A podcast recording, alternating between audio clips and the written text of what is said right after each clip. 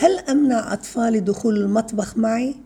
كل ما بدخل المطبخ بفوتوا حالهن بمخاطر بمسكوا سكينة بفتحوا جرور وأنا بخاف كتير. أبعدهن عن المطبخ؟ أمنعهن الدخول؟ لا لا لا لا. هذا هاي عم بتوفريهم بيئة مثيرة للمعرفة لحب الاستطلاع لتطوير شخصية سوية. كيف نمنعهن؟ كيف إني آه، ما اخليهنش يدخلوا المطبخ؟ والمطبخ كتير فيه مجال للتعلم بس بدك تعرفي لما بدك تفوتي على المطبخ مش أنت تكوني مشغولة هن يكونوا مشغولين.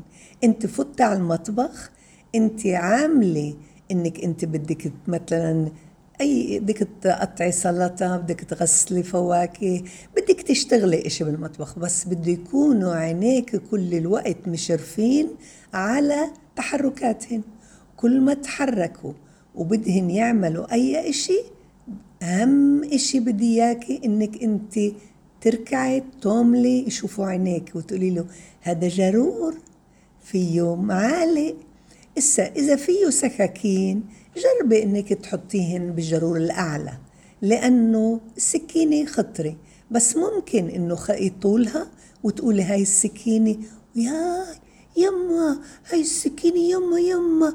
وتعطيه إيه، بدراما حلوة إنه هاي السكينة بتخوف المعلقة. هاي معلقة بنشرب فيها الشوربة ناكل فيها طبيخنا.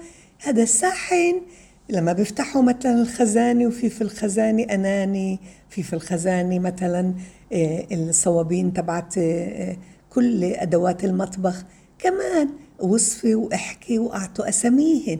بدنا هذا اسمها صابوني للجلاي هاي صابوني للجلي.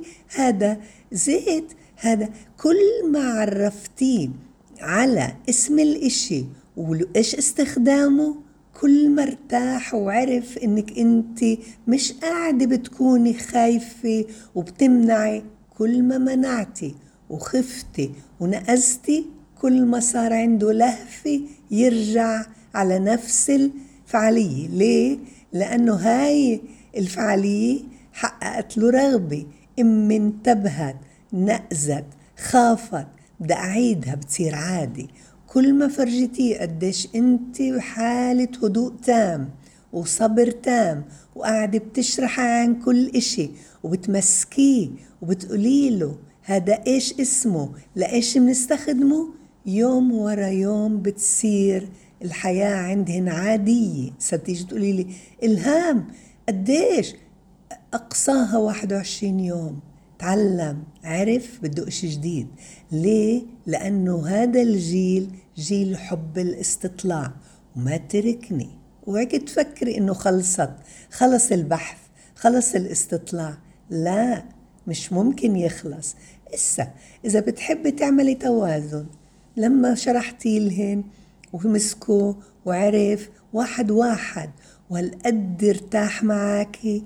إذا أنت مثلا عم بتقطعي سلطة بتحطي بنص القاعة وين أنت موجودة إشي مثير لإله مثلا لعبة تركيب آه، آه، حبلة عجل أي إشي بثير جسمه عقله عاطفته قصة أنت حطيتيها بقدامهن بس بدون ما تقولي وانت بتقطعي السلطة بتشوفي إنه لحالهن بروحوا لهاي الأشياء اللي حطيتيها ليه؟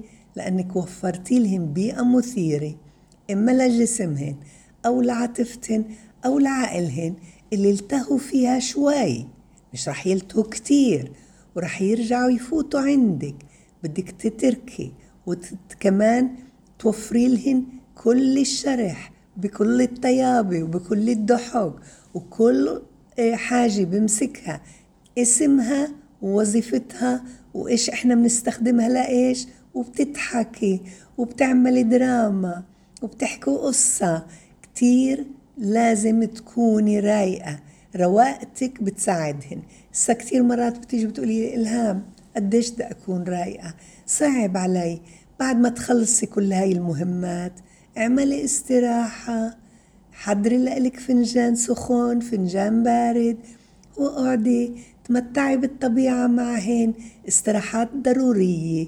وكمان غير الاستراحات كمان وفري لإلك أي إشي بتحبيه تعمليه في عندك موهبة حاولي إنك أنت تفجريها بإنك تستخدمي كل الوقت اللي إلك لهالموهبة أو هواي أو أي إشي بريحك.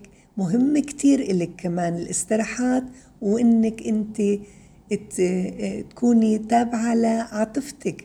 عارفة قديش عاطفتك بتحب هذا الإشي. اعمليه وما تمنعيهن من إنه يستفيدوا من وجودك معهن في دراما مثيرة وأسامي الأشياء اللي بيستخدموها أو اللي بدهم يمسكوها أو اللي بدهم يتعرفوا عليها. لأنه حب الاستطلاع عندهن متأجج